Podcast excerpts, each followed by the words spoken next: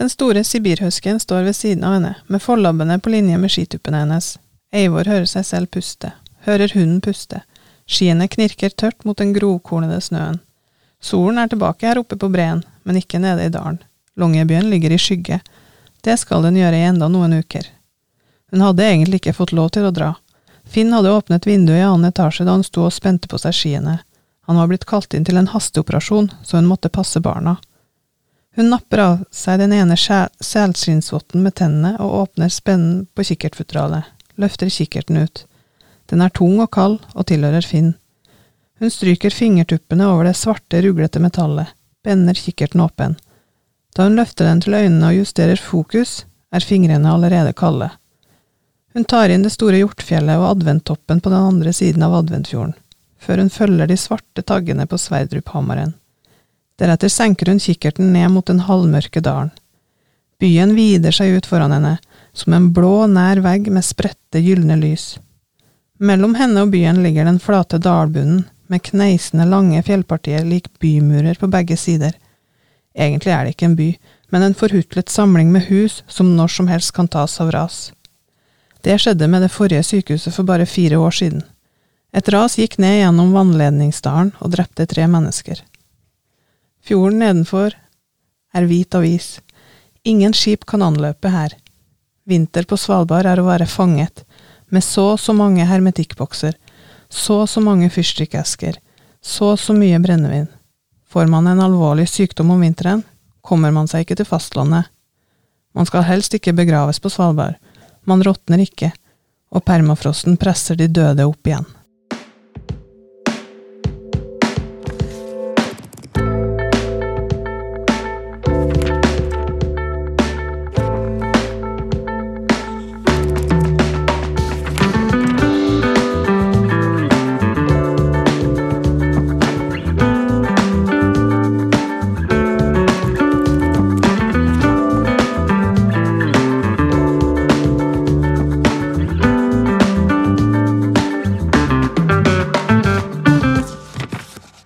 Velkommen til Les litt, Levanger bibliotek sin podkast. Jeg heter Ylva, og hun som nettopp leste, heter Tone. Hun leste fra Longyearbyen av Heidi Sævareid, som vi skal snakke litt om nå, tenkte vi. Ja, for eh, Longyearbyen er jo Heidi Sævareid sin første roman for voksne. Hun har jo gitt ut fire ungdomsromaner tidligere, der alle har vært, eller fått uh, noen priser, faktisk, så hun er jo en uh, anerkjent forfatter. Mm. Og når hun nå skriver 'Longyearbyen', så er det da inspirert av eh, besteforelderen sin historie. Og det livet de hadde på Svalbard på 1950-tallet. For Longyearbyen handler jo om Eivor og mannen Finn som flytter til Svalbard fra Oslo med de to døtrene sine, fordi at Finn skal jobbe på sykehuset. Mm på sover. Han, han har fått seg stilling på sykehuset, og da flytter de opp til Svalbard i ei lita leilighet i sykehusbygget.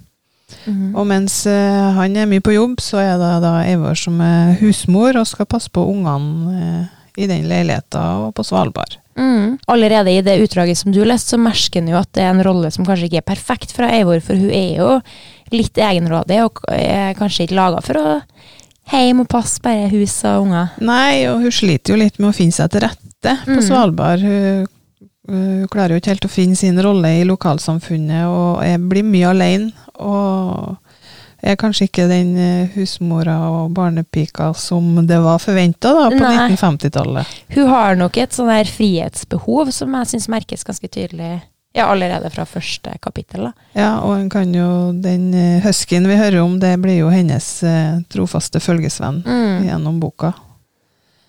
Og Longyearbyen er jo godt skrevet i forhold til å portrettere Longyearbyen på 1950-tallet. Mm. Og det noen anmeldere skriver, er jo at det å reise fra Oslos beste vestkant til Svalbard, det er jo eksotisk i dag, men uh, i 1956 da, så må det jo være som å komme til en fremmed klode.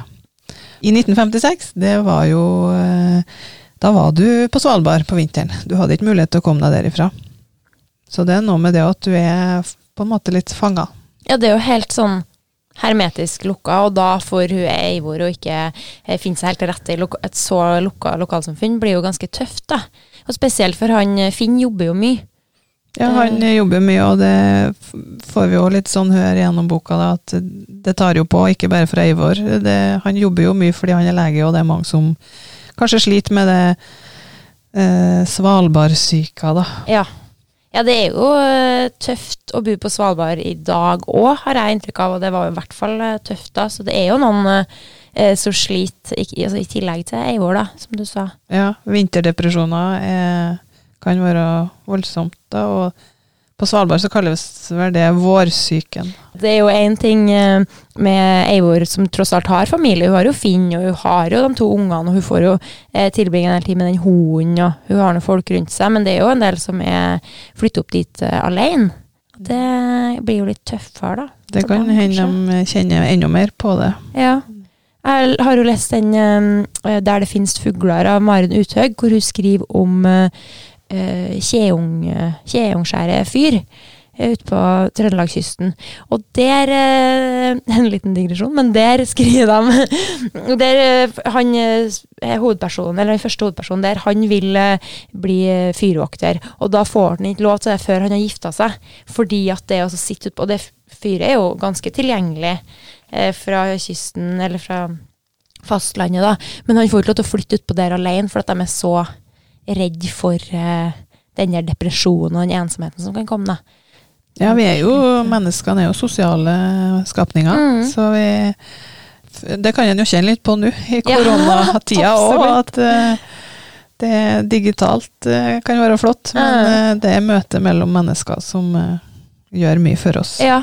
Eivor møter jo mennesker, men det er jo kanskje ikke man blir jo, Valgmulighetene på hvem man skal treffe, er jo litt mindre i et sånn lite samfunn. Ja, det skrenker seg litt inn, og Ja. kanskje ikke noen Hun finner ikke noen som hun på en måte matcher med, da. Nei. Som har samme felles interesser. Annet enn eh, den huskyen hun får låne. Ja, hun får låne Det er jo ikke deres hund, men hun får låne en Ja. husky. Mm.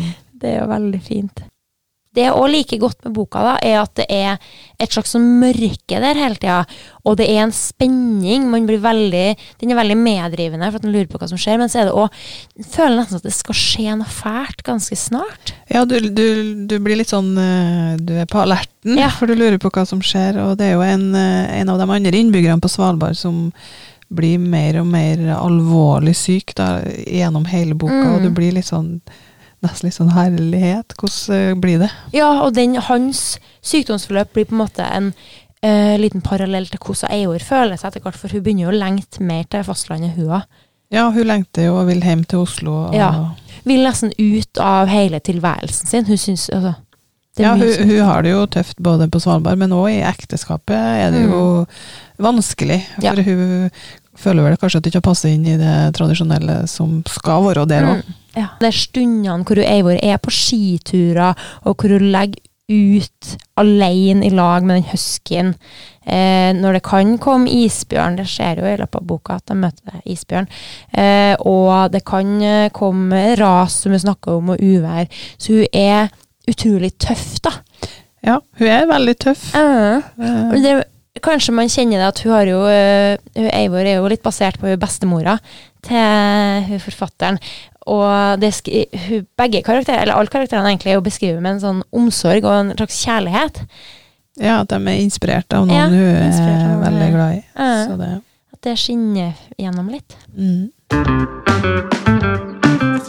Da skal vi snakke om ei, ei som er fransk-marokkansk forfatter, som òg har latt seg inspirert av eh, sine besteforeldres historie når hun skriver eh, ei bok som heter De andres land. Det er Leila Slimani, og hun er da som sagt oppvokst i Rabat, som er hovedstaden i Marokko. Så flytta hun til Paris når hun var 17 år for å studere. Og så ville hun vel bli skuespiller, men hun ombestemte seg, skal til å si, så ble hun journalist. Og jobba som det i flere år, og gjør fortsatt det, og delvis skriver sakprosa.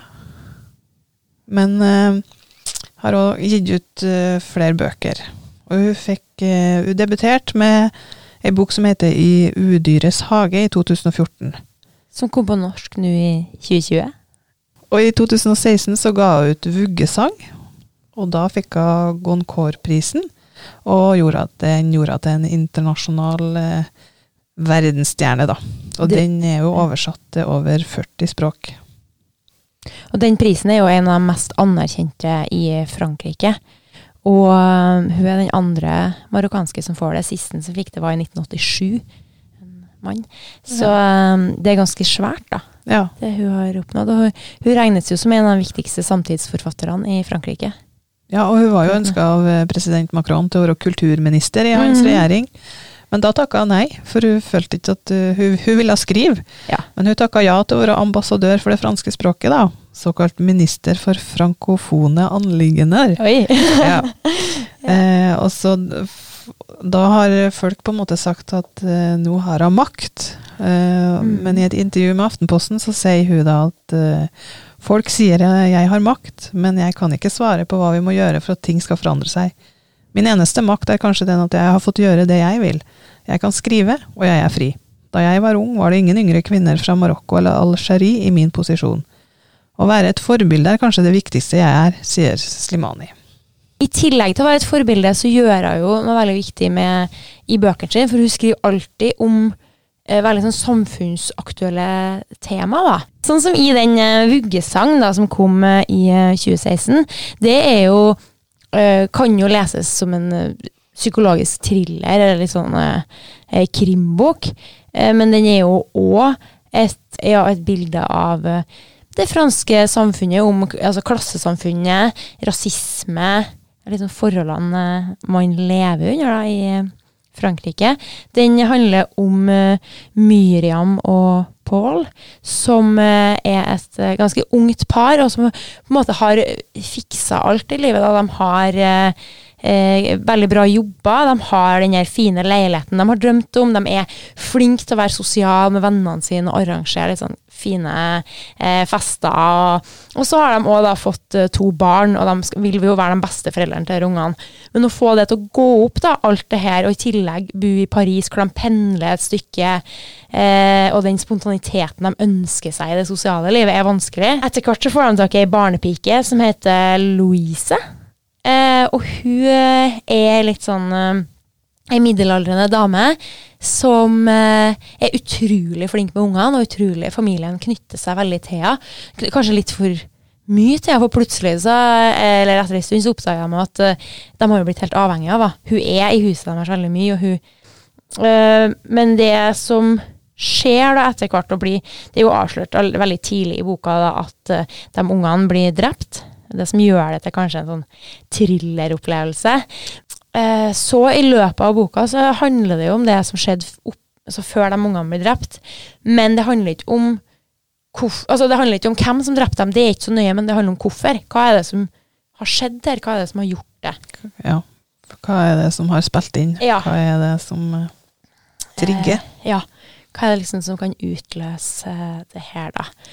Eh, Så det er en veldig spennende bok, men det er òg en veldig, en veldig klok bok. Jeg følte at jeg har lært mye av den. Ja. Det er jo noe interessant hun setter fingeren på i den eh, romanen her, Slimani. Fordi at de eh, kjenner jo overhodet ikke hun barnepika si, og likevel så overlater de det viktigste de har, de to ungene sine, til henne hver eneste dag. Hun har sagt det i intervju. Barnepika er nederst på rangstigen i alle land. Det er fordi de er kvinner, de har en jobb som ikke anerkjennes, de tar vare på barn, de produserer ikke ting, de tjener ikke nok, og de er innvandrere. Selvfølgelig er det ingen som bryr seg om dem. Og det kommer veldig tydelig fram i den boka, da, at selv om de er så avhengige av hun Louise, så de vet jo ikke noe om henne, de kjenner jo ikke, har jo ikke hatt tida til å eh, Og det at hun pendler i mange timer eh, daglig for å passe på ungene deres, og er sliten og har dårlig råd, ikke har noe familiekontakt altså, De ser ikke hele mennesket, Nei, de de ser kun tjenestene de ja, vil ha. ja.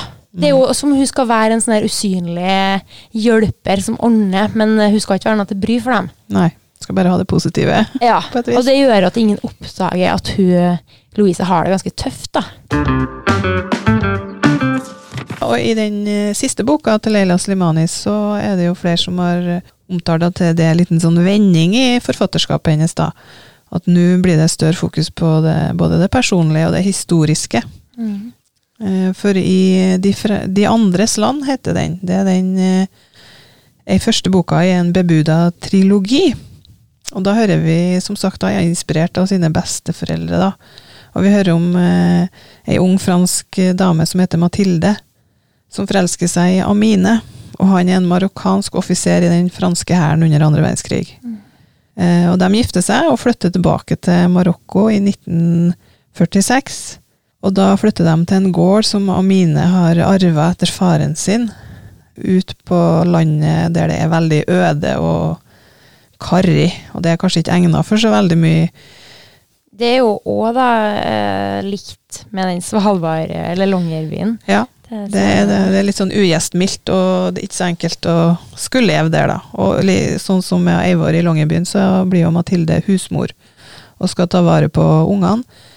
Men hun eh, har jo en opprørstrang og har ønske om frihet, så hun har sliter jo litt med den rollen. Det virker jo som det er flere paralleller de bøkene. Det er jo litt på samme tid. og Ja, det, Spennende å ha lest begge to. Mm, det er jo ganske forskjellige plasser på jorda, Ja. men, eh, men lell litt felles, da. Og eh, høye, blonde Mathilde, hun blir liksom Hun blir ikke helt godkjent i Marokko. Og han Amine han blir heller ikke helt godkjent i Marokko, for han har jo kjempa for den franske hæren.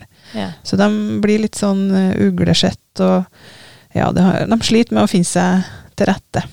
De, eh, han prøver jo, han er jo innovativ, han Amine, vil jeg jo egentlig si. Han prøver jo å dyrke forskjellige ting. Han prøver blant annet å pode ei sitrongrein med et appelsintre, Mhm.